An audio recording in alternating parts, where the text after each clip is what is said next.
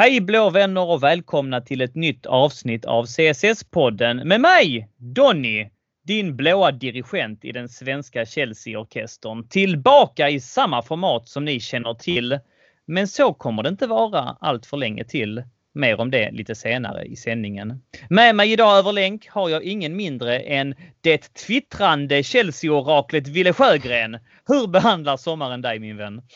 Eh, ja, nu, hittills har den behandlat mig lite sådär eftersom att jag har jobbat hela sommaren. Men eh, jag går ju på semester på fredag så att jag börjar se ljuset i tunneln lite. Där ser man och då är det några veckor och sen ska du, för att du befinner dig i Stockholm nu, eller hur? Ja, men precis. Och du är ju stationerad i Piteå annars. Mm, alltså i alla fall lilla till... Piteå. Ja, ja, och pluggar journalistik där, eller hur? Ja, men precis, det stämmer. Och så har du jobbat här nu och då har du några veckor och sen ska du inte tillbaks till jobbet då alltså, utan du ska vila upp dig och eh, ta ny sats i Piteå med studier.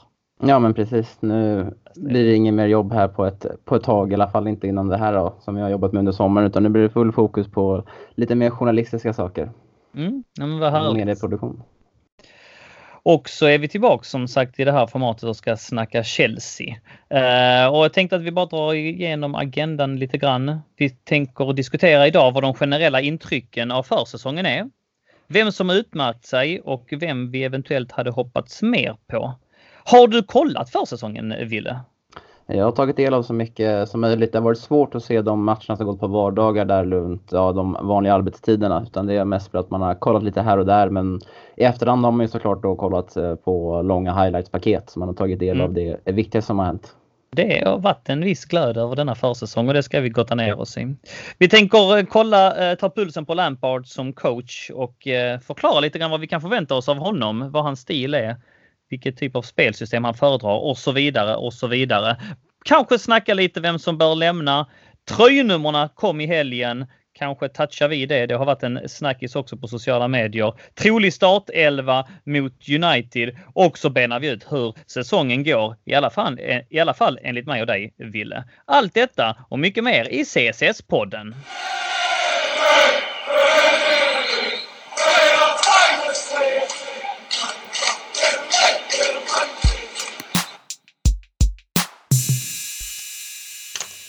Bra! Ville, det där introt gick fantastiskt. Allt på uppstuds givetvis, men jag glömde vilket avsnitt det var. Har du det framför dig?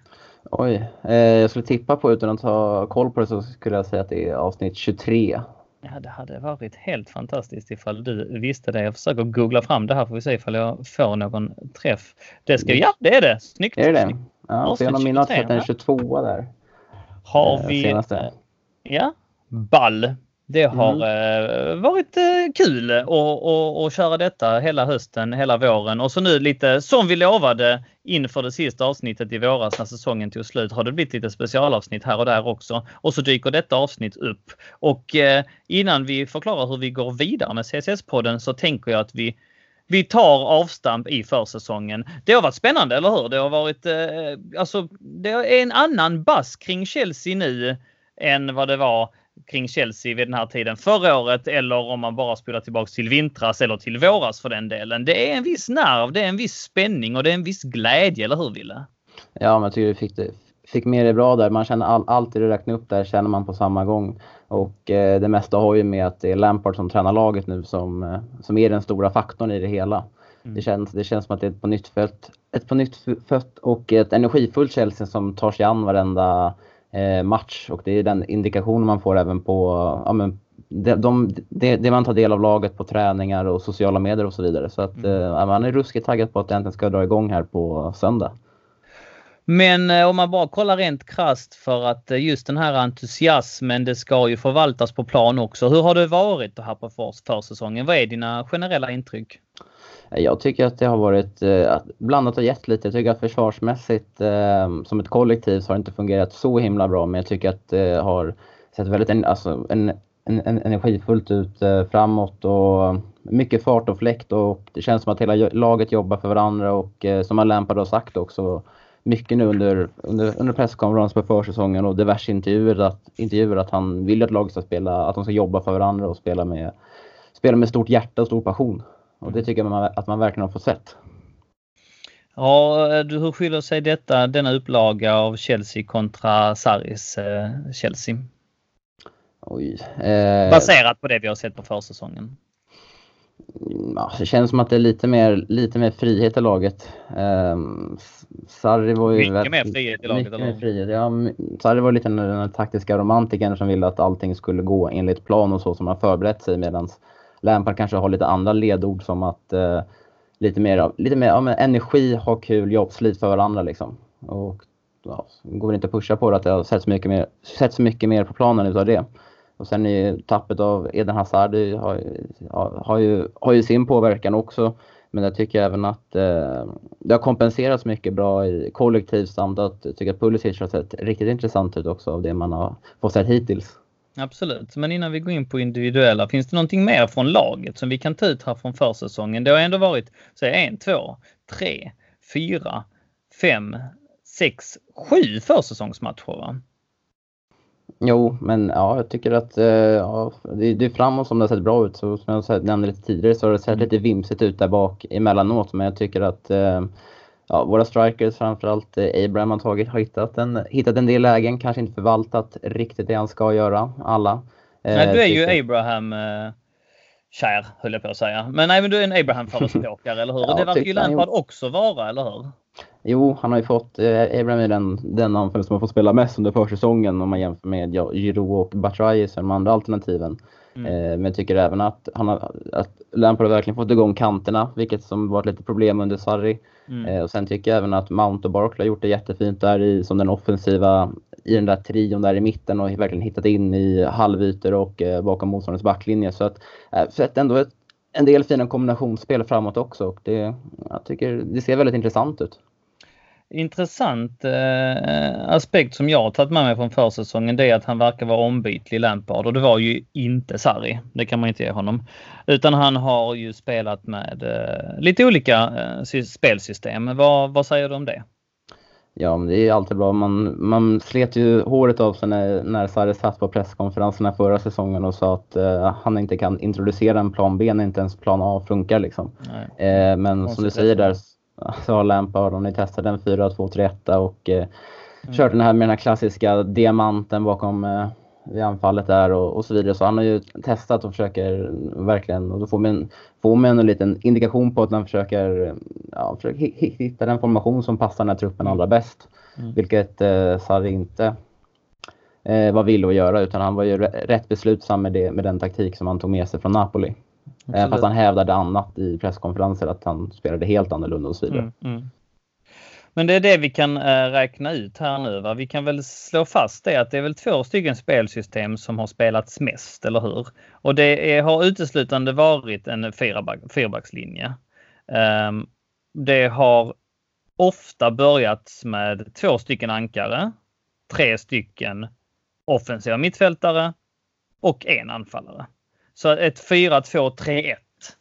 Det kan vi nu räkna med att han ställer upp med eh, mot United och kanske har som grundspelfilosofi. Men sen har han ju lanserat här som du sa så nära 4-4-2 fast med diamanten. När han har kört med två anfallare istället. Och han har ju sagt eh, på frågan i intervjuer att han är ombytlig som tränare. Det är absolut någonting som han eh, har i sin repertoar på ett, eh, alltså på en direkt fråga kring Alltså direkt relaterat till hur Chelsea spelade förra säsongen och som en pik mot Sarri när de, när de frågade honom kring detta. Att eh, förra säsongen så hade man en tränare som inte ville gärna rota i, i spelsystem och sånt och då sa Lampard att ja men det, nej, men det finns med i min arsenal och det är väl positivt. Ja verkligen. Det är, det är bra att man, jag tycker också att det är bra att man, att man kan vara lite att man kan variera lite beroende på hur man tar sig an matchen. Så att man inte bara är fast cementerad på en, på en spelidé. Och så det, det är uppfriskande. Absolut. Och eh, möjligheten finns ju också med tanke på vilket brett mittfält eh, vi har. Och eh, det ska väl bantas lite men det kommer vi återkomma till lite senare i avsnittet. Mm. Men som det ser ut just nu så har vi överflöd på mittfältare och eh, mm. det är de som verkligen får utrymme då i de här två olika form formationerna då som, eh, som Lampard testar. Mm. Framförallt, men du, du, du, du håller med om att det är de spelsystemen som mest har, uh, har cirkulerat och att det är högst troligt att vi spelar 4-2-3-1 i premiären mot United? Ja, det tror jag alla dagar att det blir 4-2-3-1 mm. och sen det är lite svårt också under försäsongsmatchen när eh, framförallt i början när det sker så mycket byten. Ja, det är helt eh, omöjligt. Att eh, kunna se exakt hur han vill spela och så vidare. Men, eh, ja, men det är väl de där två som han har, som, som han har ställt upp från start som man tror att eh, att han kommer jobba vidare på. Mm. 4-2-3 är ju den som har eh, arbetat, arbetat eh, mest med och troligtvis den vi kommer få se mot United. Då. Och vad tycker du att du ser eh, för eh, spelsätt om man säger så? Vad kännetecknar Lampards eh, spelidé? Hur tänker han fotboll? Alltså han tänker väl fotboll, alltså, eller han, hela hans spel, det speglar väl lite som han själv var som fotbollsspelare.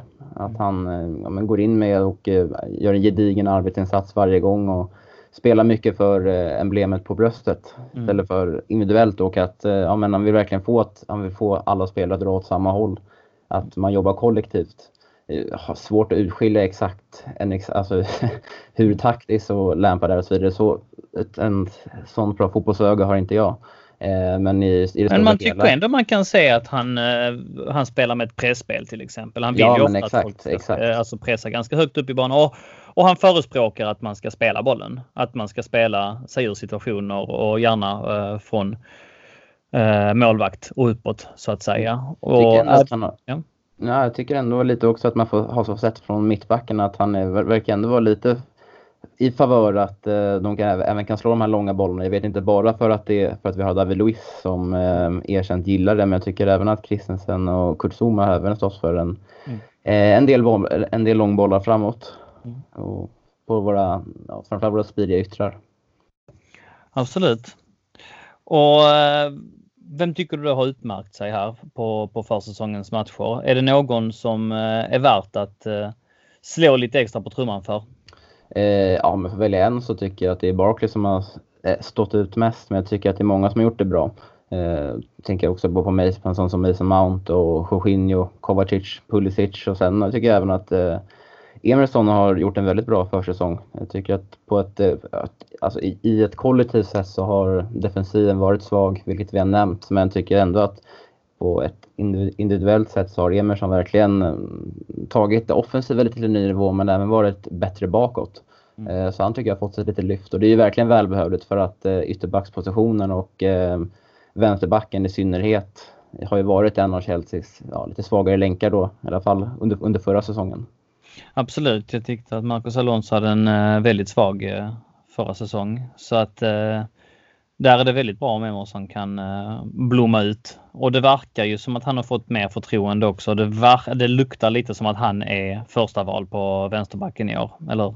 Ja, jag kan inte tänka mig, tänka mig något annat. Men också med tanke på den här höga frenesin som eh, Lampard vill ha i sitt spel och det, det orkar inte Marcus Alonso. Han är för, han är för trött och långsam mm. för det.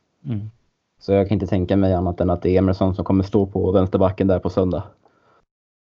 Du började med att nämna att du tyckte att Barkley hade visat framfötterna och det är ju en sån spelare som har fått väldigt mycket ros i sociala medier och även av eh, experter i, i eh, pressen. Eh, vad är det han har gjort som har varit så bra? Då? Nej, men jag tycker att hel, själva helheten Ross Barkley har blivit bättre. Eh, han känns lite friare och han kommit lite lägen när han får slå. Han har ju mm. framförallt gjort bidragit mycket poängmässigt i form av fyra mål och tre assist. Är det mm. väl han har bidragit med. Mm. Eh, men även han, eh, vi vet ju sedan tidigare att han har ju ett bra skott och ett bra, en bra spelförståelse. Och om man kollar på den här matchen mot Mönchengladbach, den här eh, assisten både till Pulisic och till Pedro, det är ju, det är högst, det är högsta klass på den spel, spelintelligens som han visar upp. Det var eh, mot Salzburg, eller hur? Ja, Salzburg ja. Och, eh, ja, exakt. Salzburg. Mm, exakt. Mm, mm. Den, det är, den, den är helt sjuk den passen, eller hur? Ja, alltså, den, den får från egen planhalva. Ja, på, på läppen alltså. Nej, mm. det, jag visste inte han kunde, att han var så fin i fötterna på att han hade så fin passningsfot. Uh, sen så undrar jag för att det verkar som att om vi nu utgår från att Chelsea kommer spela 4-2-3-1 så verkar det som att Mason Mount och Barkley konkurrerar om nummer 10-rollen, eller hur? Ja. Jag hade ju nästan sett eh, Barkley som en lite mer defensiv eh, mittfältare, alltså som i ett eh, 4-3-3 till exempel, en tvåvägs. Men då kommer han ju ta ett kliv lite längre upp i banan, är väl den tänkta rollen i så fall. För att det verkar ju som att från början tänkte jag att ja, men det kommer inte bli något problem med, med William, William, Pedro och Pulisic för att alla tre kommer att spela. Alla tre kommer att spela där i, i ett 4-2-3-1. De kommer vara de tre offensiva pjäserna med Pulisic som nummer 10 då förmodligen och sen William och Pedro på varsin kant. Men så kommer det inte bli, eller hur? William, Pulisic och Pedro och i viss mån då Hudson Odoi när han är tillbaks kommer ju konkurrera om ytterplatserna och sen har vi Mason Mount och Barkley som kommer konkurrera om den offensiva inom mittfältsplatsen, eller hur? Ja, och sen får man väl addera Cheek där också kanske när han Precis. kommer tillbaks. Mm. Eh, men det lär ju dröja. Mm. Eh, ja, men det är som det, det, det är så det är. Eh, men ja, jag, vet inte om jag har någonsin sett Barkley där som svar på dig som en tvåvägsspelare utan jag tycker att han är bra när han får bollen högre upp och det är ingen spelare som flyger förbi, som flyger förbi andra utan ges han utrymme så är han ju riktigt farlig med, som han bevisat nu under försäsongen, så är han ju riktigt farlig med sin spelintelligens och eh, sina fina fötter. Mm. Eh, så jag tror han passar bäst, passar riktigt bra upp och lite som en spelstil, lite som en, vad ska man säga, som lite, ja men Mata fast mm. Mm. Inte kanske samma lätt i kroppen Nej. som den där lilla En tyngre, en tyngre form av Mata. Liksom. Ja, men exakt. Ja. ja, eventuellt. Men eh, ja, helt olika spelartyper i min bok. Mm. Men eh, det var därför jag säger också att jag tänker att han är lite mer tanken sådär. Men det verkar mm. ju uppenbarligen som att han kan ta en roll där framme och gärna för mig i så fall. Mm. Eh, du, men du nämnde, nämnde Mason Mount här också. Hade en fin säsong alltså för Derby förra förra säsongen. Verkar ju som att han är en favoritspelare i Lampards bok och ja, det kan man ju förstå. Han har också gjort det bra på försäsongen, eller hur? Ja, det är det, det, är Barclay Mount som jag tycker har stuckit ut mest under försäsongen och det är lite tråkigt då nästan att de ska konkurrera om en plats. Mm. Mm. Eh, det kanske var därför Lampard testade den där lite med bytt, bytt formation kanske för han ville testa hur det ser ut när både Barkley och Mount på planen samtidigt. Mm. Så det öppnades ju upp där när han testade med den här diamantrollen. Mm. Mm. Eh, men eh, ja, Mount har också gjort det jättebra tycker. Vi nämnde lite tidigare också att uh, han, han, har hittat, han, han har ju väldigt fina instick mellan motståndarnas uh, mittbackar och ytterback mm. och mittback som han hittar mm. in. Han hittar ytor där som han löper på. Eh, och jag tycker han har varit riktigt bra faktiskt. kul att se. Mm. Han var helt värdelös första halvlek mot Borussia Mönchengladbach bara. Sorry att jag pajar stämningen eventuellt. Men eh, jag, jag tyckte ja. att hela laget var katastrof eh, första halvlek mot Borussia Mönchengladbach. Och då fick jag sådana bara kalla kårar. Oh, oh, det är kanske inte här vi flyger utan det ja, måtte det inte vara. För där tyckte jag att alla våra svagheter exponerades. Mount var för eh, svag och, och sprang fel och Tabby Abraham var inte alls vän med bollen och Christensen var exakt så lätt och feltajmad som han kan vara. Och ja, nej, det Kovacic var lika dålig som han var förra säsongen. Men sen ryckte de ju upp sig i andra halvlek, de som fick stanna kvar. Så att ehm, ja, spännande. Vi har en del att se fram emot. Ehm, vi får hoppas på att, på att Mount tar det där klivet i år. Han är ju en Chelsea-son och det har ju skrikits efter någon från det egna ledet som ska in och fylla de där skorna, eller hur? Ja, och det väl känns som att just nu så är det Mountain som ligger närmast med tanke på skadesituationen på Loftus Cheek och Hudson Odoi. Och det är bara roligt. Eh, och man känner nu kanske, det, kanske lut, det ska bli spännande att se vem som Frank Lampard tar ut här på söndag. Men jag tycker inte man ska vara orolig om man inte får se den som man vill se på söndag utan att eh, det är många matcher som kommer spelas och alla kommer, nog, och alla kommer få, få speltid där framme. Så ja, Nej, det är verkligen många matcher i år. Det måste vi ha klart för oss med, eh, med Champions League också. Så att absolut är det så. Man kommer ha chansen att, att visa framfötterna. Men eh, från en Chelsea-son till en annan som vi nämnde tidigare också, Tammy Abraham alltså. Eh, har fått mycket förtroende längst fram och fått starta och det känns nästan som i diskussionen om Emerson att det känns som att det har utkristalliserats att han har blivit vänsterback, alltså första val på vänsterbacken så känns det nästan som att Tammy Abraham har seglat upp som favorit till att knipa åt sig startplats längst fram, eller hur? Ja, men så är det. Till din glädje. Ja, men det är det väl faktiskt. Ja, ja. Eh, även fast jag vet, inte vet om man, om, man, om man riktigt är eh, redo. Men han behöver ju speltid för att bli det. Och, ja. Eh, Men grejen är att eh, det är en av de spelare som jag faktiskt hade hoppats lite mer på under försäsongen. Att, eh, för att han har ju tagit, han har ju fått väldigt många lägen men han har bränt en hel del också. Eller, han har bränt in i helvete. Ja precis. Så jag har gjort två mål varav en, varav en är på straff och den andra var väl mot ja, Barcelona. Han blev väldigt hyllad det. på det målet men i ärlighetens namn så snubblar han in den bollen. Han får den för långt ifrån sig i mottaget. Har inget val än att dra målvakten och det gör han ju bra men sen så får han ju den på stödjebenet Eh, och, och, så går den ju in. Så att det, det var lite fumligt sådär. Han fick väldigt mycket beröm för att han rundade målvakten där. Men ett tränat öga ser att det nog inte blev exakt sådär som han ville. är du med det, på det heller? Ja, ja 100 procent. Men det är väl det många, det, i och med att det är en egen Chelsea-produkt så, att, eh, så är det lättare att hylla honom när han väl gör mål, även hur det ser ut. Och sen vet ju många att eh, den här, den här klassiska catch-up-effekten, gör man ett så kan det rulla in massa fler. Nej, han hade missflyt mot Mönchengladbach och det är det som jag någonsin Alltid, man säger ju det med anfallare, det är ju ändå bra att de kommer till lägen. De som gör det. Det var det jag tyckte med, med Torres exempelvis, att han kom ju aldrig till lägen heller. Det är, mm. alltså, han fick ju aldrig bollen framför fötterna och det var inte så att han var bränd hela tiden. Men eh, förhoppningsvis så kan han få rätsida på det. Men är det, är det sannolikt att han startar mot United? Eh, jag vet inte, alltså det mesta talar väl för det. Men sen måste man ju ändå klart för sig att Manchester United borta i en premiär, en väldigt tuff match. Och då kan det väl kanske vara bra att slänga in en Giroud mm. där som kommer in med lite mer rutin och lite mer tyngd. Framförallt nu när United har värvat Harry Maguire där som blev klart under dagen. Mm. Ehm, så jag är, lite, jag är lite osäker där vem som kommer att starta men kollar man hur det sett ut på försäsongen så, så bör ju Abraham starta. Giroud känner jag är ett eh, tredje val. Mm, på, på anfallet. Ja, inte för att... Jag tror att eh, Batshuayi är före. Tror inte du det? Jag vet inte. Han var inte ens med i uh, truppen här senast mot uh, Mönchengladbach. Uh, ja. koll på det. Vad fan beror det på? Ja, men jag fick, fick det lite klart för mig. Så gjort lite research så såg jag där då att efter matchen så, så fick han ju frågan om, då Lampard om eh, varför Batshuayi inte var med. Och mm. eh, besvarade han med då kombination efter då när även eh, Drinkwater och Bakayoko nämndes att eh, att, alla, att han inte kunde garantera alla, alla spelare 90 eller mycket speltid den här matchen utan han tyckte att det var bättre då att några var hemma och tränade. Eh, och nämnde ingenting att det skulle finnas någon skada eller någon sjukdom på Batshuayi där så att eh, det kan vara så att eh, det var rent av en, en petning. Mm. Vi får se.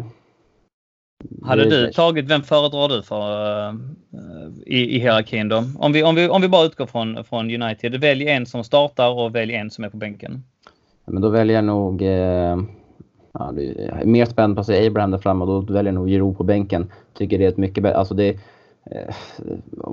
tycker att eh, vill man förändra en matchbild kanske så tycker jag att Giroud är ett bättre alternativ att slänga in med, tanke, med tanke på den tyngd han erbjuder och eh, hur stark han ändå är i luftrummet. Varför petar du bara Batshuayi då? Har du inga förhoppningar om honom? Jo, det, jag har det också, men det känns liksom... Det, jag har svårt att se att Lampard kommer ta med sig alla tre anfallare. Nej, och, då är det någon, och då är det någon som måste bort. Mm. Eh, och jag tror inte, med tanke på hur det sett ut på försäsongen, hur mycket, de, alla de chanser Abraham har fått, så börjar han vara en del av truppen. Och sen så tycker jag att eh, Giroud ändå bör, bör få andra spaden där då, med tanke på ja, det jag just nämnde. Att jag tror att eh, Abraham och Batshuayi är kanske lite mer lika i sin speltid och kontra Giroud. Så vill han förändra någonting Lampard där, forcera in ett mål eller ja, vill lägga, försvara en ledning med långa bollar upp på Giroud som får hålla i den så, blir så är ju han ett, ett mycket hetare alternativ än både Abraham och Batshuayi Alltså ur den aspekten. Eh, så jag Giroud kommer vara med i truppen. Eh, och sen blir väl någon Abraham Batshuayi och allting talar väl för Abraham då med tanke på hur det sett ut på försäsongen. Men vi vet om hur jäkla viktigt det är med en, eh, en bra anfallare. Men det är många som hyllar Conte för att han vann med Chelsea. Och vi vet hur många matcher Diego Costa avgjorde den säsongen. Där han bara liksom tryckte in en boll och det blev 1-0 och det var tre poäng istället för ett. Så att måtte någon av dem faktiskt leverera. Jag hoppas att dagen av usla anfallare är passerad och att vi faktiskt kan se en, en gyllene gryning med anfallare som levererar, vem det än är. Och eh, med det tänker jag att vi lämnar anfallsfrågan. Du nämnde också att det var några på mitten som har imponerat på dig. Kovacic sa du bland annat. Eh, och han har varit jävligt bra under försäsongen. Han har visat på spelsätt och talanger som jag faktiskt inte såg eh, honom ha förra säsongen. Håller du med om det? Ja, jag håller med. Det beror ju del, eh, eller mycket på att han har fått, han har en annan position nu än vad han hade under Sarri. Under Sarri så var ju den här eh, offensiva mittfältaren ur trion och nu har han ju tagit ett steg ner till sin naturliga position. Och det, det, det han har presterat eh, under den här försäsongen, det är det lite vi har sett under försäsongen när han har väl fått spela där nere. Eh, men där är ju har ju eh, Sarri varit väldigt strikt med att det var ju, eller han var ju strikt där med att det var Jorginho och Kanté som skulle ligga lite längre bak och sen så mm. vill han ju ha Kovacic längre fram. Mm. Eh, men han, han sitter ju också på en väldigt bra spelförståelse och eh, länk, tycker jag allmänt har länkar bra tillsammans med sina, med, sina, med sina andra kollegor där på mitten och mm, för bollen framåt, hittar nya ytor för att ta sig upp i banan. Och har även den här, den här lilla, också den här kan accelerera väldigt fort med bollen också, är väldigt mm. bolltrygg. Mm. Eh, och, kunna, och kan bryta linjen själv på egen hand. Så ja, men det, är en, ja, det är en liten på nytt född Kovacic vi har fått se ändå.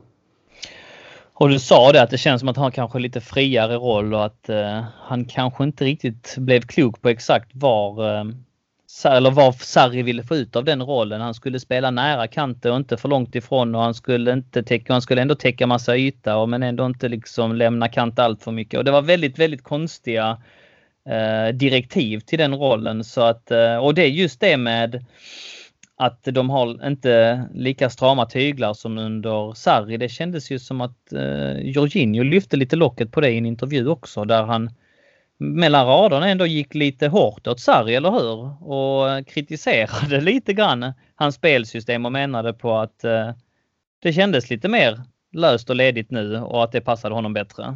Mm, nej men, det håller jag nog med om. Det var den där intervjun när han sa att uh, Sarri inte min kompis, han var min nej, tränare. Precis. Ja. Ja, ja, exakt. ja men precis. Mm. Eh, ja men det, det är lite friare tyglar det har man ju sett. Och det har, har man ju lä, har man läst till också att det är många många som säger det också. Mm. det är, ja, kanske med tanke på det spelmaterialet vi har så kanske det, kanske det passar. Så länge Lampard får in liksom gru, grundtanken och grundidéerna hur, hur man ska spela så gör ni jobbet så gör vad fan ni vill liksom. Om man säger så.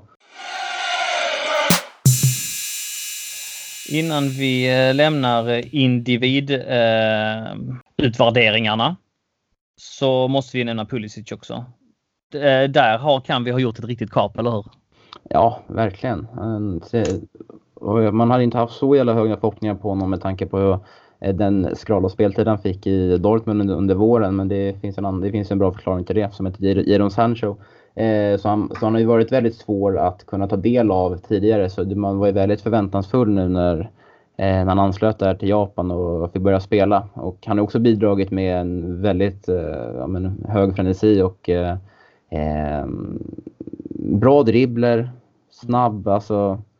Han har ju verkligen överraskat positivt. Mm. Och ödmjuk kille. Alltså jäkla bra intervjuer hela tiden. Ja, men han är ju antagligen, han är, lämnade USA där väldigt tidigt. Vi gick till Tyskland och blev väldigt tränade i det här hur man pratar till media och så vidare. Mm. Uh, I tidig ålder så att uh, det känns ju, han, han talar ju som, som, som vore 30 och inte 20. Mm. Nej, han verkar eh, verkligen vara en, en, bra grabb liksom. Jag önskar honom allt gott. Jag hoppas verkligen att eh, vi får se honom eh, blomma ut och, och bli en framtida fanbärare för klubben. Jag tror att han har alla möjligheter till det. Värvad ung, verkar vara lojal, huvudet på skaft och, och en jäkla talang. Bara det att någon kan slå en långboll på någon och att han kan ta emot den. Det gillar jag. Mm. Och inte liksom med sin första touch bara fibbla iväg den som Morata gjorde så jäkla många gånger. Och sen så säger man att ja men det var en svår boll. Nej det var det inte. Det är ditt usla jäkla mottag som får det att se ut att det var svårt. Det är, behöver inte vara så svårt. Och som han tog emot dem. Ja framförallt då i matchen mot eh, Leipzig innan eh, Mönchengladbach-matchen där jag tyckte att han verkligen visade prov på en väldigt stor talang och det lovar gott. Jag, jag, jag, tror på honom redan i år och det, jag gillar lite det också med det här eh, hur det har eh, på något sätt stakats ut med vår transferban och folk skrattade och nu kommer inte ni få värva någon. Ingen kommer förvänta sig någonting av Chelsea. Det är ett värvningsförbud. Ja men vi fick in Pulisic, eller hur? Vi mm. fick in Zuma. Det är som Mourinho sa här i en intervju. Var, var, vill du leta efter en bättre mittback än Kurt Zuma. Vi fick tillbaka Michi Batshuayi som är väldigt lovande, oavsett vad du säger, en lovande anfallare. Alltså det är ju sådana som man hade värvat annars. Tammy Abraham, Mason Mount. Det är i mångt och mycket ett eh, väldigt mycket nytt blod i, den, i det laget. Och eh, alltså det här har, kan ha spelats ut väldigt bra för oss med den här transferbannen. Håller du inte med om det? Ja. Det, jag menar istället för att värva en massa dussinlirare med all respekt, nu hoppas vi mycket på Emerson. Vad fan skulle vi med honom till för 35 miljoner pund? Vad fan skulle vi med Drinkwater till för 35 miljoner pund? Alltså, man behöver ju inte kasta ut pengar på mediokra spelare när man har en del, när man tvingas in på den här vägen som vi nu har tvingats in på. Jag tror fan att det kan bära frukt redan den här säsongen. Jag har hoppet uppe. Ja, man är ju väldigt, väldigt förväntansfull och eh, det, det här är ju det är mycket bättre strategi. Värvningsstrategi då, när vi, att vi inte får värva än vad vi har sett Chelsea värva de senaste åren med alla de här dussinlirarna som du, du nämnde upp, både Emerson och eh, Drinkwater där som, men vi mm. hoppas ändå på Emerson. Men eh, eh, så är det bra. Det enda man kan ju sakna är att eh, Alltså att, att, vi, att vi inte har ändå möjligheten att ta in någon, liksom, någon färdig världsklasspelare som man vet kommer komma in och leverera direkt. Det är väl, det är väl mest avsaknaden av det som gör att folk blir frustrerade. Men, Men hur ju... bra har det gått med de världsklassvärvningarna då? Ja, jo, Rudiger får man ändå säga var en världsklassback som vi värvade in. Men Bakayoko utgav ju sig också för att vara världsklass. Hade kommit till semifinal i Champions League och superhet på marknaden och Morata likaså. Det sket ju så, så det är ju aldrig en garanti att bara för att de är på förhand världsklass att de levererar i vilket fall som helst. Så att, eh, men visst, nej, jag håller med dig, så är det ju. Man hade velat haft, alltså man, man är ju extremt förväntansfull och som du säger så liksom det, det är ju inga dåliga lirare vi får få tillbaka utan det är ju, det är ju bra nyförvärv som, vi har, som har kommit in men man hade helst, man hade velat krydda det med någon, ja men som du säger det är väldigt osäkert i alla fall ges möjligheten till att kunna försöka förbättra anfallet mm. än som det ser ut idag. Det är ju mest avsaknaden den som jag tror att folk är lite frustrerade. Men eh, det är ändå positivt nu att vi fick ändå den här, eh, ja, ska man kalla det för en bra försäsong eller en helt okej okay med, med, med, en guldstjärna liksom i, mm. i kanten. Att, det, att man, man blir väldigt förväntansfull och, och hoppfull. Absolut. Vi har hyllat en del spelare. Vi har småsågat också. Är det någon annan du vill lyfta fram som du känner att nej, mm, här har det skitit sig? Det här, eh, det här var inte vad jag hade förväntat mig. Någon eh, som vi bör kritisera? Alltså, jag vet inte om man behöver nämna det. Alltså, egentligen inte, men eh, någon som är ruskigt besviken på... Jag får väl eh, sätta dumtruten på mig själv, men man hade ändå hoppats lite på att Bakayoko skulle ändå komma tillbaka från Milan där och göra det bättre. Men han mm. Mm. ser ju sämre ut under försäsongen än vad han gjorde när han var, som, ja, när han var riktigt dålig i Chelsea där 2017. Han ser ju totalt han mm. limpar runt där och är trubbig, ser sjukt ointresserad ut och mm. vill inte ens vara på plats. Liksom. Eh, så han är man väl ja, verkligen besviken på. Men mm. ut, utöver det, liksom, så jag nämnde lite där också som att vi sågade lite att man hade hoppats mer av, av Abraham. Men uh, utöver det så tycker jag inte att det är någon som har varit så här särskilt jättedålig. Alltså jag, man, till exempel man, tar, man hade ju inga förhoppningar på Danny Drinkwater eller Zappa Costa liksom. Så att uh, de motsvarar de förväntningar man hade att de skulle vara ja, men lite ja, men rätt kassa. Liksom. Mm, mm. Om vi ändå är på att lämna eh, planet, för att truppen är lite bred, eller hur? Så mm, alltså ja. lite för bred. Man brukar ju säga att man ska ju ha två stycken på varje position och förutsatt att vi då spelar 4-2-3-1 så behöver vi alltså eh, åtta backar ish. Så är en, en eh, tio mittfältare med olika talang och egentligen två anfallare. Men jag kan sträcka mig till tre anfallare är vettigt. Mm. Men vi behöver inte tre stycken högerbackar, eller hur? Nej, det behöver vi verkligen inte. Där kan vi säga hej då till eh, David. Ja, och eh, det kommer nog bli så också, eh, tror jag. Men jag läste lite här också inför att Chelsea, de, de, de inväntar ju då på Reece James att han ska bli, mm. Eh, bli redo och att, de, att eh, Zappacosta antagligen kommer skeppas tillbaks till Serie A men jag kommer göra det sent i augusti. Mm. Eh, eftersom att eh, Premier League-klubbar där stänger fönstret på torsdag kväll om jag mm. vet rätt. Och sen, men i Italien så är det öppet ända fram till eh, början av september. Mm. Så man avvaktar lite där. För det blir, man kan ju inte skeppa Zappacosta nu med tanke på med, med Reece James skada och eh, det är bara Aspelekueta framför så det gör man ju helt rätt. Mm.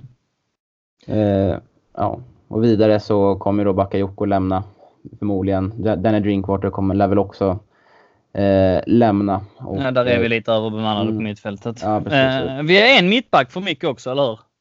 Ja, vi är fem och vi skulle vara fyra säger du ju. Ja. och eh, då är det ju Tomori tycker jag som får lämna på lån. Mm. Eh, helst en Premier League-klubb. Har också failat sin audition tyvärr, eller hur? Ja, han har inte varit så stabil. Han har inte Nej. heller varit så stabil. Men eh, ja, man blev inte, han blev inte framröstad till Derby bästa spelare förra säsongen utav ingenting. Nej, så att det, Nej, så är det ju. Mm. Så det finns ju någonting där, men eh, han kommer nog inte få fram det i Chelsea i år tror jag. Nej. Jag tycker vi dissekerat truppen riktigt ordentligt. Håller du inte med om det? Jo, ja, men det håller jag med om. Och vi som sagt där framme också ser vi väldigt starka nu. William och Hudson är ju skadade, men sen har vi också har vi fyra yttre där, vilket är mm. perfekt. Ja, och det Så, räcker? Ja, det räcker. Och, mm. Men ja, ändå, ja, det är bra. Och tråkigt är bara vänsterbacken att Marcus Alonso är det enda alternativet där bakom. Emerson ja. är mm. riktigt svaga där, men det är ingenting vi kan göra åt. Nej, precis. Så det får man leva med. Som sagt, en del snackisar här på eh, försäsongen. Mycket på Twitter, sociala medier. Kan passa på att pusha för det här mitt i avsnittet. Att eh, bli medlem i CSS för djävulen om du inte redan är det. Vi hoppas att så många som kan och vill bör bli medlemmar. Jag vet inte riktigt om det kom ut rätt, men ja, ni förstår nu kontentan. Finns information om hur man väldigt lätt och enkelt och smidigt blir medlem på vår hemsida. Vi har till och med skaffat Swish för din skull. Det har aldrig varit lättare att bli medlem. Och jag tycker att vi, nej, vi kommer aldrig komma upp i de antalen som Liverpools supporterklubb i Sverige har eller Manchester Uniteds supporterklubb i Sverige har. Eller ens Arsenal och Tottenham för den delen. Men vi borde åtminstone kunna sikta på att bli över 1000 medlemmar. I nuläget så är vi mellan 6 och 700 och eh, ja, det, det, är där det har legat de sista åren. Men i den, här, i den här nysatsningen hade det varit roligt om just du som kanske inte har av någon anledning blivit medlem tidigare, som har tvekat och sådär, kommer över tröskeln också. Som sagt, jättelätt och det kostar knappt någonting. 170 spänn och du får rätt mycket för det. Du får en eh, CSS-souvenir av något slag, en liten gåva. Du får en medlemstidning, du får gemenskap, du får ett eget personligt CSS-kort och du får den unika möjligheten att om du skulle vilja åka över till England och även har då ett medlemskap i Chelsea, då har du unik tillgång till biljetter genom CSS. Men även om du inte är True Blue-medlem och inte ämnar att bli det heller, så bli åtminstone medlem i vår lilla förening och kom in i gemenskapen på riktigt. Mer information alltså på www.svenskafans.com England Chelsea. Och till dig som är medlem hoppas vi att du kan ansluta dig till Chelseas nya Rewards Scheme. Eh, uttalar jag det rätt? Det gjorde jag nog, tror jag. Har du anslutit dig till det, Ville? Åh, uh... oh, för lång tystnad, det har du inte. Din klant. Nej. oh, oh, gave you away. Anslut dig, Ville. Anslut er allihopa där ute för att det bara reflekterar gott på oss som supporterförening. Vi får alltså mycket mer fördelar ju fler vi har anslutna där. Så är du medlem i CSS, gå också in. Det gäller också för dig som Blue då. Gå in alltså genom Fifth Stand-appen och anslut dig på Reward Scheme så kommer vi få fördelar som supporterförening. Jag vill också flagga för att du ska surfa in lite då och då på vår hemsida på Svenska fans och eh, eh läsa om Chelsea såklart på svenska. Vi är snabba med att få ut nyheter. Vi har en fantastisk redaktion som har många har jobbat med oss länge, men vi har även fått in nytt blod i redaktionen och det tycker vi är jätteroligt. Så att eh, vi får ut många nyheter, vi får ut snabba nyheter, vi får ut bra svenska nyheter och det plingar till ofta så att eh, in där och läs om oss, men följ oss också på sociala medier. På Facebook har vi en grupp där vi kablar upp väldigt mycket. Den följs av väldigt många så att den behövs egentligen inte pushas för. Men vårt Instagramkonto det är lite klent. Chelsea Sweden official heter vi på Instagram. Men framförallt en jättesatsning i år och det tycker jag redan nu är skitroligt att du har tagit hand om Ville. Och vad är det? Det är Twitter såklart. Precis. Och varför ska man mm. följa oss där? För att vi eh, lägger upp massa nyheter som berör Chelsea hela tiden och eh, ställer lite frågor. Man har chansen att eh, disk diskutera och interagera med andra Chelsea-supportrar. Och Ja, det är bara väldigt roligt och det kan vara skönt då att man, eh, att man samlar då. Vi rapporterar då om allting om Chelsea, att man samlar det då i en, i en och samma plattform. Precis. Så, och vad heter vi på Twitter? Chelsea Swee. Så in och följ oss på Twitter allihopa också. Förutom detta har vi alltså vår CSS-podden-grupp. Och den är members only. Man skickar iväg en förfrågan och man svarar på en fråga och märker jag att du inte är en robot utan att du är en genuin Chelsea-supporter så släpper jag in dig. Och där har vi mysigt och det är bra diskussioner också. Så att in och följ oss på Facebook eh, genom att ansöka till CSS-podden-gruppen för att ta del av de allra senaste nyheterna kring denna podd framförallt då som är förankrat hit. Och jag kablade precis ut en livesändning, kom precis, alltså kom på medans jag Eh, spelade in den här livesändningen att jag sitter ju här helt svettig och jävlig i grovköket med alltså torktumlare och diskmaskin som har gått hela dagen och det har varit så varmt här nere i Skåne idag. Så att jag fimpade i tröjan så att eh, ja, lite ögongodis blev det till er där ute också. Men eh, jag la ut den live bara för att någonstans visa på att vi är igång och spelar in podd och det tyckte jag var roligt. Så lite sånt kan man få också om man följer oss på CSS på den gruppen på Facebook. Nog om det. Tröjnummer Ville! Vad var det mm. som fick dig att höja på ögonbrynen när de lanserades? Alltså den, eh, det mest, eh, vad folk tror man kommer svara, det är ju att William får nummer 10. Mm. Eh, den hade han ju redan avslöjat, men det var ju, ja, kunde ja, man ju ändå tro inte... att han kanske skulle ljuga om. Men det gjorde han inte. Han hade Nej. rätt i det. Ja men precis, han var, det verkar han vara väldigt stolt över. Och med all rätt, det är väl någonting att vara stolt över att man får ta nummer 10 i eh, världens vackraste klubb här. Så Men det att, blev eh, diskussioner om det på, på, på Twitter och det är därför vi nämner det här också. Det är rätt mycket diskussioner kring detta om det var rätt eller om det var fel eller om det var för tidigt eller om man borde gett den till någon annan. Alltså folk hakar upp sig på detta, eller hur? Mm. Det är folk, det här engagerar. Ja, verkligen. Men jag tycker inte att man ska lägga någon större vikt vid det. För jag känner liksom så här, men vem skulle annars ta den egentligen? Alltså det tycker det är väldigt magstarkt att ge det till, eh, ja, men till Pulisic där som många, hade, många nog ändå tyckte borde ha haft den. Men också kommer ny till klubben och eh, han, han, är inte på den nivån att han bara går in och tar en 10 i en, i en stor klubb liksom. Och sen så får han ju ändå, tror jag, väldigt nöjd med själv att han får tillbaka nummer 22 där, Williams tidigare nummer då som var det han hade i Borussia Dortmund.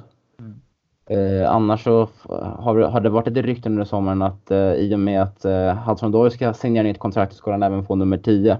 Mm. Eh, men det var bara, verkar bara vara rykten, eller det är bekräftat bara var rykten eftersom att William tagit nu 10 Men mm. jag, jag, tycker inte att man ska bry sig så mycket om det. Det känns väl som ett, ett rätt naturligt val. William är väl en av dem, det är väl den spelaren tillsammans med Aspelekueta som har varit i klubben längst. Ja. Och eh, ja, han, han kommer ju logiskt nog eh, lämna efter sig den också sinom mm. tid ju. Ja, det är ju max två år till så att då kommer den ju få, få gå vidare till någon ja, annan. Jag tror den går vidare redan nästa sommar. Måste vara ärlig. Är det så? Ja. ja. ja men det ryktas ju om, har du några, eh, några Twitter-ingångar där och hur det är med hans, dels hans men också Callum Hudson-Odois kontrakt?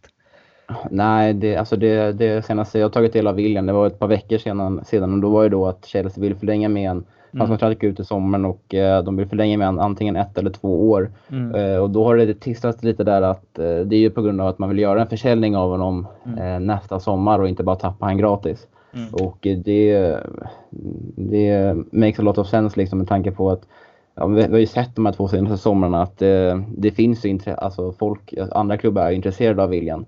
Mm. Eh, och det har ju budats liksom förra säsongen kom det väl 50 miljoner från Barcelona för rätt trovärdiga uppgifter och mm, eh, mm. i år har väl kommit cirka 30-35. Mm, mm, eh, och jag ser ingen anledning till att vi ska få mindre än 20-25 från nästa sommar.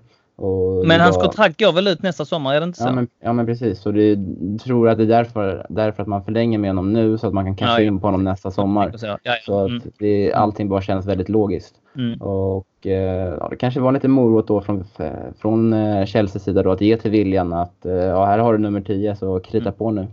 Mm. Så skeppar vi dig nästa, nästa sommar. Men det är lite osäker på liksom de här, framförallt David Luiz och William som många tycker inte håller måttet för Chelsea längre. Men det är den här de har ju mycket business vid sidan av fotbollen i, i London som de håller på med. Så att eh, signar man ett eh, tvåårskontrakt eh, eh, på det här ettårskontraktet han har kvar så finns det en risk att de, eh, eller viljan då att han även, att han kan stanna kvar lite längre ändå och göra sig lite omöjligt. Jag, här ska det inte säljas liksom. Jag trivs i London och har mm. eh, affärer här och bla bla bla bla liksom. Så mm. att, mm. ja, vi får se helt enkelt. Något nytt om Callum Hudson-Odoi då? Um, ja, så det rapporterades, det var två, tre veckor sedan BBC gick ut med de här mm. tunga mm. rapporterna och uh, det är ju lite, en del Twitter-konton eh, a.k.a. Chelsea-korrespondenter som har twittrat lite idag att eh, big announcement coming this week liksom. Och mm. det är väl nästan de enda jag kan tänka mig som, som kommer knyta ny, nya kontrakt som kan bli ett big announcement. Det är ju, det är ju framförallt Callum Hudson-Odoi eller Reece James skulle jag mm. säga. Mm. Även Tammy Abraham har ryktats lite. Ja, Tammy Abraham där också mm, men mm. Så det lär nog bli klart här under, eh, under veckan förhoppningsvis och eh, det har han ju själv eh, indikerat lite också på sociala medier att han har sett väldigt glad ut och poserat i Chelsea-tröjor hit och dit mm. och lite blåa hjärtan och, och så vidare. Så att eh, det känns inte helt otroligt. Vi har ju pratat om den här kontrakts, eventuella kontraktsförlängningen väldigt länge och det har ju, vi måste ju säga att det har känts som att han har varit på väg bort. Men det har ju aldrig varit närmre. Alltså det har ju vägt över. Det är ju 95-5 nu att han inte skulle eller att han skulle förlänga så att säga, eller hur? Och jag ja. måste ju säga att där någon gång i, i, i vintras så kändes det som att han var förlorad helt. Ja, och... Eh, Men det har svängt. Ja, det har svängt eh, totalt. Nu Vet du jag läser nu här precis BBC har gått ut med att Cahill completes move till Crystal Palace. Nu mm. har säkert folk som Eh, vaknar upp på tisdagsmorgonen. Läst det redan, men ja, det slog mig nu precis. Nåväl, skit i det. Eh, kul för honom eh, att han fick bli kvar i, i London. Eh, men eh, ja, nej, var, var var vi? Jag tappade tråden. Eh, att det såg mörkt ut i vintras va? Med ja, precis. Mörkt. Mm. Jo, men, men det gjorde det. Att det nu har tippat över och att det ska väl mycket till om, han inte, om det inte blir så att han stannar och att ja, det kommer han, han ett besked snarare Ja, man blir lite nojig där i, för någon månad sedan när hans eh, brorsa tillika agent. Eh, mm. Han har ju även eh, ett par fler Chelsea-talanger i akademin vad jag har förstått det som och en av dem gick ju till Bayern här på free transfer mm. så då fick man ju lite, lite onda tankar där men det verkar som att det är sorgligt out och allt är bara ett spel för galleriet där att kanske är så att vill, vill inte lasta det på Hudson Doyle men att det är ekonomin som gör att det inte har annonserats tidigare. Alltså jag tror inte att man har mm. kommit överens om hur mycket pengar han ska ha i lön och eh, hans giriga storebror sitter där och ska få maximal utdelning. Och det får man väl tycka vad man vill om. Jo, men det, nu har de dragit ut på det så jäkla länge så att jag, nej, det är fan, det, det räcker nu alltså. Jag börjar mm. tröttna. Men ja, nu får vi hoppas att det, att, äh, att det blir officiellt. Uh, vidare i tröjnummersvärlden så ser vi att Christensen har fått högre status med att han har kastat av sig sitt uh, reservtröjnummer 27 och tagit en ordentlig startnummerströja nummer 4. Eller hur? Ja. Den har du noterat. Vi ser att Abraham tar det otursförföljda nummer 9 och vi ser mm. att Kurt Zuma tar nummer 15. Mm. Eh, för att Danny Drinkwater, eller förlåt, för att eh, Jorginho eh, spelar ju med hans gamla nummer, nummer 5. Eh, Callum hudson har alltså kvar nummer 20. Mason Mount går in på nummer 19. Också fina tröjnummer sådär som du sa innan Christian, Christian Pulisic nummer 22, samma nummer som han hade i Dortmund. Och det finns väl egentligen inte mycket mer att säga om det, eller hur? Mm, jag tycker lite märkligt ändå att nu eh, när fyran blev ledare efter Fabregas lämnar var det väl, så har den mm. ledig här under våren. Att inte ändå David Luiz tar den med tanke på att det är hans nummer egentligen och eh, ja, han, heter ju, han, han heter ju fyra på sociala medier överallt ja. också, samma namn. Så ja, det tycker jag var lite märkligt kanske. Faktiskt, det tänkte jag också lite grann på. Men nåväl, så är det och eh, några lär alltså, några nummer lär bli lediga för att som vi ser nu så är alltså ett hela vägen upp till 24 tagna och 25 och 26 hoppas vi väl aldrig blir tagna, eller hur? Nej, de får gärna vara kvar och hissas upp lite kanske. Precis. Och så sen så är det alltså tjockt alltså. 27 är ledig men 28, 29, 30, 31 och 33 är taget. Så där var det alltså om tröjnumren. Vi går vidare. Trolig start 11 mot Manchester United, Wille Sjögren. Kötta. Eh, ja, eh, Kepa i mål såklart.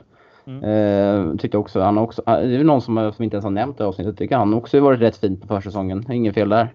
Nej då, helt okej. Okay. Han har varit bra. Mm. Din lilla favorit har gjort det bra. Det känns, det känns kul. Eh. och gjort det helt okej okay, sa jag. Jag sa inte ja. mer.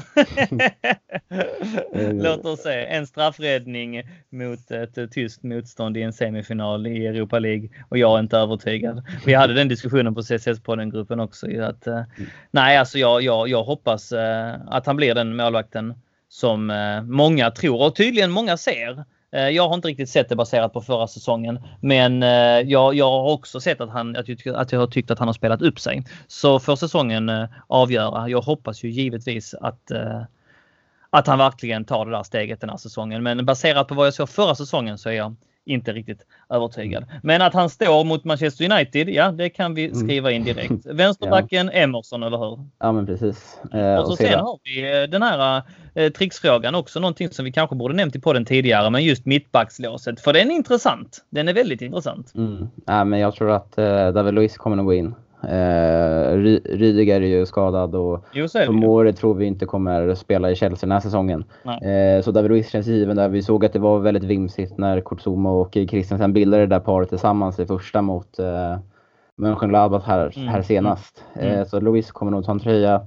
Eh, och sen hoppas jag faktiskt på, på Zuma där framför mm. Christensen. Eh, tycker han har sett bättre ut än Christensen helt enkelt. Och, mm är ju även den mittback som har fått mest speltid under försäsongen. Så...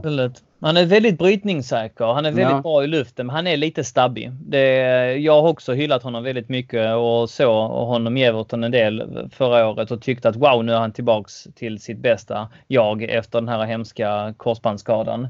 Men eh, måste säga att jag, jag ser lite hans svaghet här på försäsongen. Han är lite stabbig, men eh, det väger han ju upp med att han är så fruktansvärt brytningssäker. De, de kommer mm. inte förbi honom allt som mm. oftast. Nej, så det, det, det, känns eh, det är säkrast vi kan ställa upp med är ju Kurzuma och eh, David Luiz och jag tror det kan vara viktigt att eh, matcha Uniteds eh, eh, fart där framme med en väldigt snabb, för även med tanke på hur stor Kurzuma är så är han ju väldigt snabb också. Eh, mm. och brytningssäker så det är ju en perfekt kombination då mot, ja, mot snabba och kvicka yttrar och en Marcus Rashford där framme. Eh, så Zuma och Luis är i alla fall mitt mittbackspar. Innan du går vidare och när Rudiger kommer tillbaks, bara rent hypotetiskt, vem ska spela då? Eh, oj, det, det, får vi se. Det, jag tycker vore ju kul att kunna se. För första så vet man inte hur given Rydiger kommer vara. Mm. Eh, under Tror du inte han kommer vara det då? Vi får se. Alltså han har varit skadad ett bra tag. Han kommer nog växa in, växa in i det mer och mer. Eh, men vi får se helt enkelt, man får ju också ta med sig att skulle det helt plötsligt klaffa väldigt bra för två mittbacks, eh, för ett mittbackspar för Chelsea nu så kan det ju så vara att Lampard kommer köra vidare på det. Ja. Man måste ändå veta att Rydiger varit borta väldigt länge nu och han har inte ens börjat träna med laget än vad jag har förstått det som utan Nej. det skulle han börja göra nu i veckan. Mm. Eh, men kollar man på, på kvalitet så har han ju, så har han ju väl en ja, topp två av de uh, topp två kvalitet då i, av, av våra mittbackar så Ja, men det, det behöver vi inte gå in på nu tycker jag. Eh, det är svårt att säga, säga om. Ja, Zuma mm. och Rydiger mm. kanske. inte. Mm. Ja. Jo, så helt enkelt. Eh, det defensiva mittfältet, två pjäser där. Och där tror jag att jag vet vad du kommer säga, men vi förutsätter att eh, Kante kommer till spel. Eh, ja, men jag tror också att han kommer komma till spel och då kommer, vi, då kommer han starta. För att Lampard har ju varit väldigt tydlig med under försäsongen att de har varit väldigt försiktiga med honom och jag tror inte att han hade rest med, med, rest med till Tyskland och fått hoppa in i slutet mot Mönchengladbach ifall han Nej. inte var liksom 100% återställd från skadan. Nej. Och sen hur tanke på hur formen är, det spelar ingen roll när det gäller N'Golo Kanté för han kan vi lita på kommer komma in och göra en bra insats. 100%. Ja, så att eh, han är ju självskriven där och då tycker jag att vi um, slänger in Jorginho bredvid honom. Även fast mm. Kovacic varit väldigt bra bra under försäsongen. Mm. Mm. Vi glömde ju nog nämna att Aspelekueta kommer lira högerback och inte Zappa Costa. Mm. Mm. Det kanske inte behövdes nämna. Ja, jag hade redan skrivit ner den. Jag har en lapp ja. här så att jag, jag, det, det, nämnde vi inte ens, men den var så själv, självklar. För, för övrigt en, en ganska stark eh, försäsong på honom också tycker jag. Jag tycker att det är, det är, en, det är en bra kapten vi har. Vill ja, det är Mr Kontinuitet så att. Ja, ja. Stabil. Tre stycken gobbar där fram då. Eh, ja, Pedro och Pulisic är givna. Eh, mm. Det finns ju inga andra. Både Nej, det både William. William, men det, ja, det, han har ju inte... Nej. Nej. Han är väl fortfarande skadad. Jag vet, jag vet, inte exakt status på honom, men han var inte med i Tyskland. Och Nej. Man har inte sett någonting på sociala medier eller i nyhetsflödet heller. Så att jag förutsätter att han, att han inte kommer vara redo för att starta mot United. Eh, så Pedro och Pulisic är givna. Och sen eh, slänger jag nog ändå in en Barkley där i mitten. Över Mount. Medhåll, medhåll. Mm. Och så längst fram? Uh, ja, men vi kör på en... Uh, det ska bli spännande att se Tim Abraham där framme. Säger det alltså mot United? Ja, Rätt in i hetluften. Vi kör vi på kör. det. Jag tror på det. Mm. Faktiskt. Det är lite intressant, måste du har inte nämnt att uh, Barkley har tagit två straffar samtidigt som Jorginho varit på plan också under försäsongen. Mm. Mm. Nej, jag har sett det och det har också varit lite av en snackis vem som ska lägga straffarna. Och, eh, men Barkley, han är säkerheten själv. Han la dem mm. efter. Jag tror inte han har missat någon på det kanske han har. Men mig veterligen har han inte det. Um, han har lagt dem för engelska landslaget och har en väldig repertoar. Ofta i målvaktens högra men det är inte alltid. Ibland så uh, använder han sig av en god klassisk chip och, och det har varit i andra hörnet också. Men nej, synnerligen säker. Ibland väntar han ut, ibland bombar han.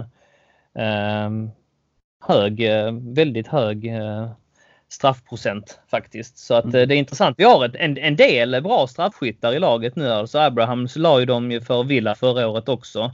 Eh, har missat i och för sig. Men eh, den var också säker. Den handlade, han snodde den, eller hur? Pedro blev lite sur på honom, kändes mm. det som, mot eh, Borussia Mönchengladbach. Men eh, viktigt för honom att få sätta den. Jorginho som vi har sagt eh, tidigare eh, med sin patenterade där han flyger fram som Superman och stannar i luften. Um, David Luiz vet vi också lägger straffar. Aspilicueta, en bra straffskytt, har bara missat en mig veterligen och han har lagt också väldigt många faktiskt, både i träningsmatchsammanhang och i kuppsammanhang och i, i uh, uh, ja, FA-cuper och ligacuper och, och sådär. Så att ja, det, det, det finns att välja. Emerson också har lagt straffar. Mm. Ja, ja, så är det många uh, att välja mellan. Men blir det en straff mot United så är Barkley på plan så tror jag att det är hans. Visst är det så? Jo, jag tror också det. Annars tror jag Jorginho hade tagit dem under försäsongsmatcherna. Mm.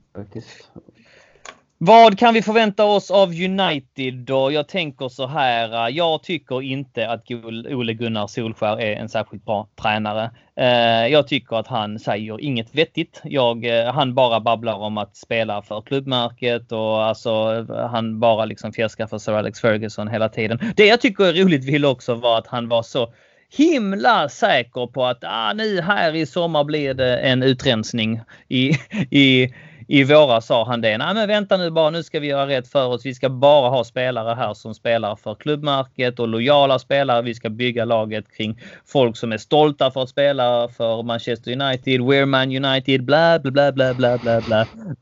Eller hur? Pogba ja. är kvar. Lukaku är kvar. Alexis Sanchez är kvar. Alltså han har inte fått bort någon bad seed överhuvudtaget. Den enda han har fått bort är Valencia och André Herrera som man ändå kan argumentera för var väldigt lojal lojala och mm. omtyckta och, och ja, genuina eh, klubbspelare. Alla överbetalda divor är kvar. Eh, alltså, vi måste vinna mot dem i premiären, Ville. För helvete.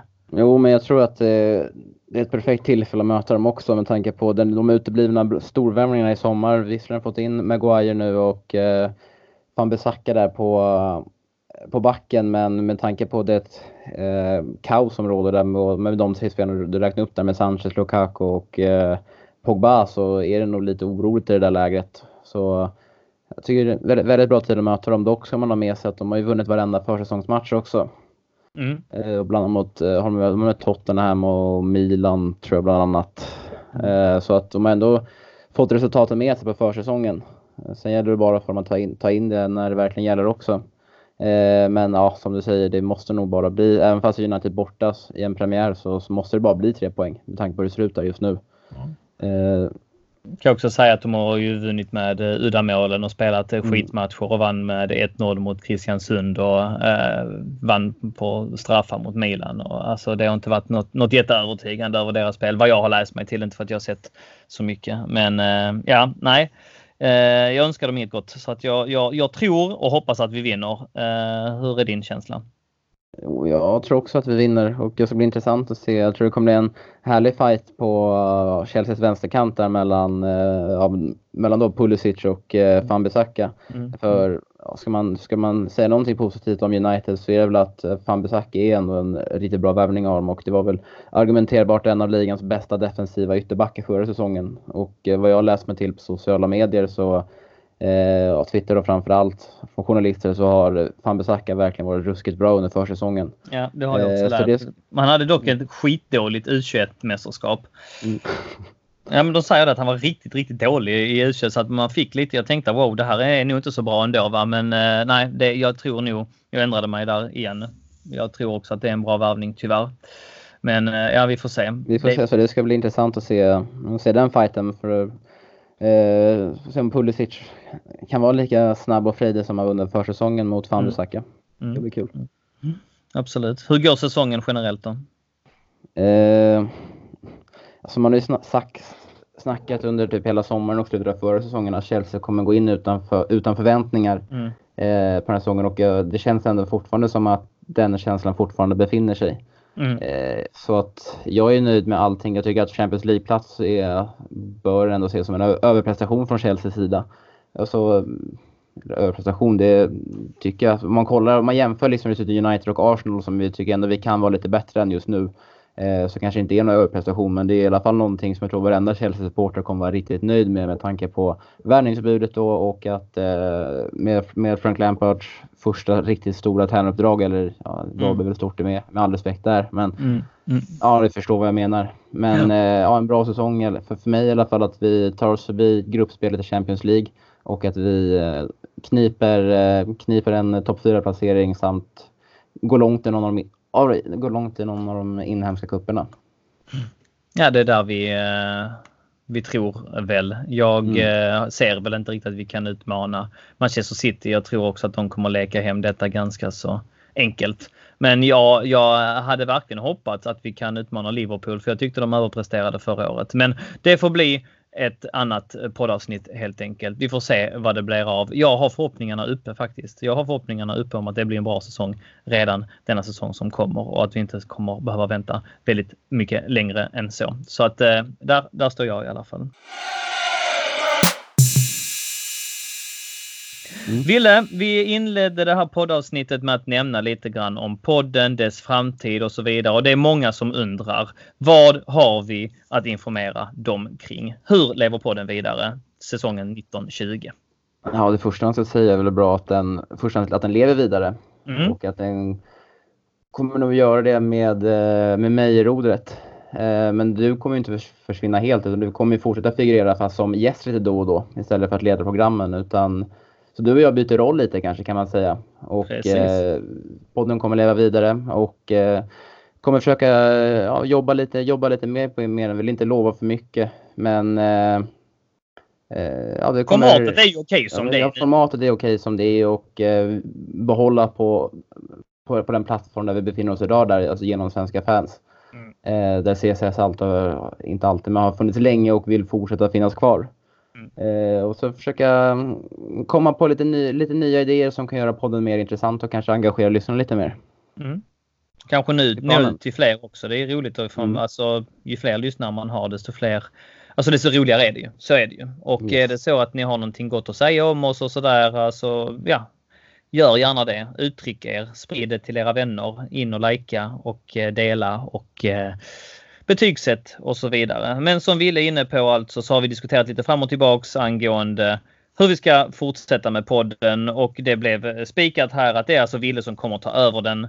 Och eh, jag kommer finnas kvar men jag har ju andra lite tyngre ansvarsområden inom CSS som kommer sluka rätt mycket av min tid och gör redan nu ska jag säga. Så att det, det är tufft tidsmässigt redan nu som det är. Det vi måste nämna dock Ville är ju att eh, Eh, jag kan bara nämna snabbt som, som vi sa också att det, du kommer ju bygga vidare på det vi har. Alltså det här garagiga underground-känslan ska ju vara kvar. Vi gillar ju att det är lite svenska fans och vi vill ju inte bli börja konkurrera med Toto Balutto eller alltså på den nivån. Det förstår vi att vi inte är. Men eh, man kan ändå göra det så bra som möjligt och jag tror verkligen att du är killen som kommer kunna ta detta till nästa nivå med tanke på det du eh, är utbildad inom och med tanke på de ingångar du har. Vi har även eh, lagt ut lite krokar till andra folk som har stora Chelsea-hjärtan och stora Chelsea-intressen. Men som sagt, vi, vi, vi behöver inte nämna mer om det just nu, men att den kommer att leva vidare och att den kommer att leva vidare med dig vid rodret. Mm. Det är fantastiskt roligt. Men att du kommer då spela in från en studio i Piteå i och med att du fortfarande är i Stockholm fram till och med vecka 35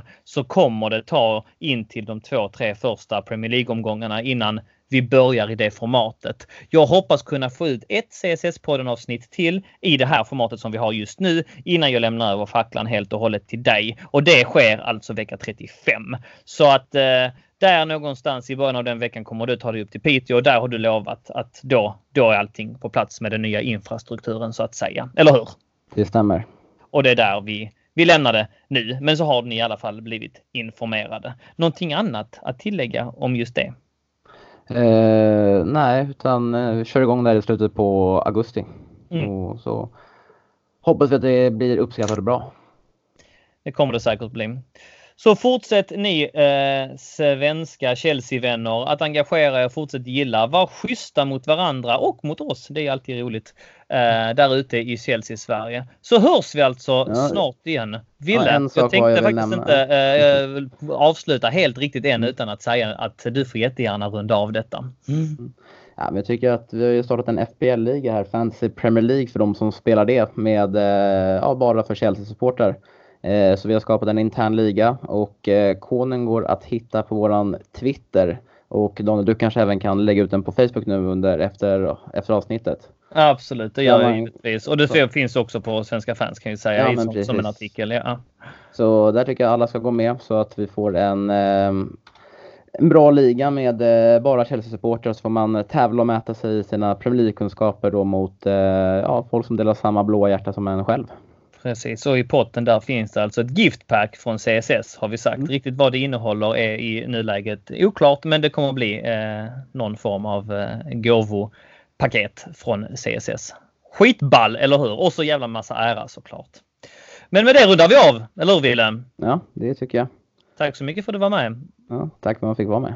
Carefree och up the Chels!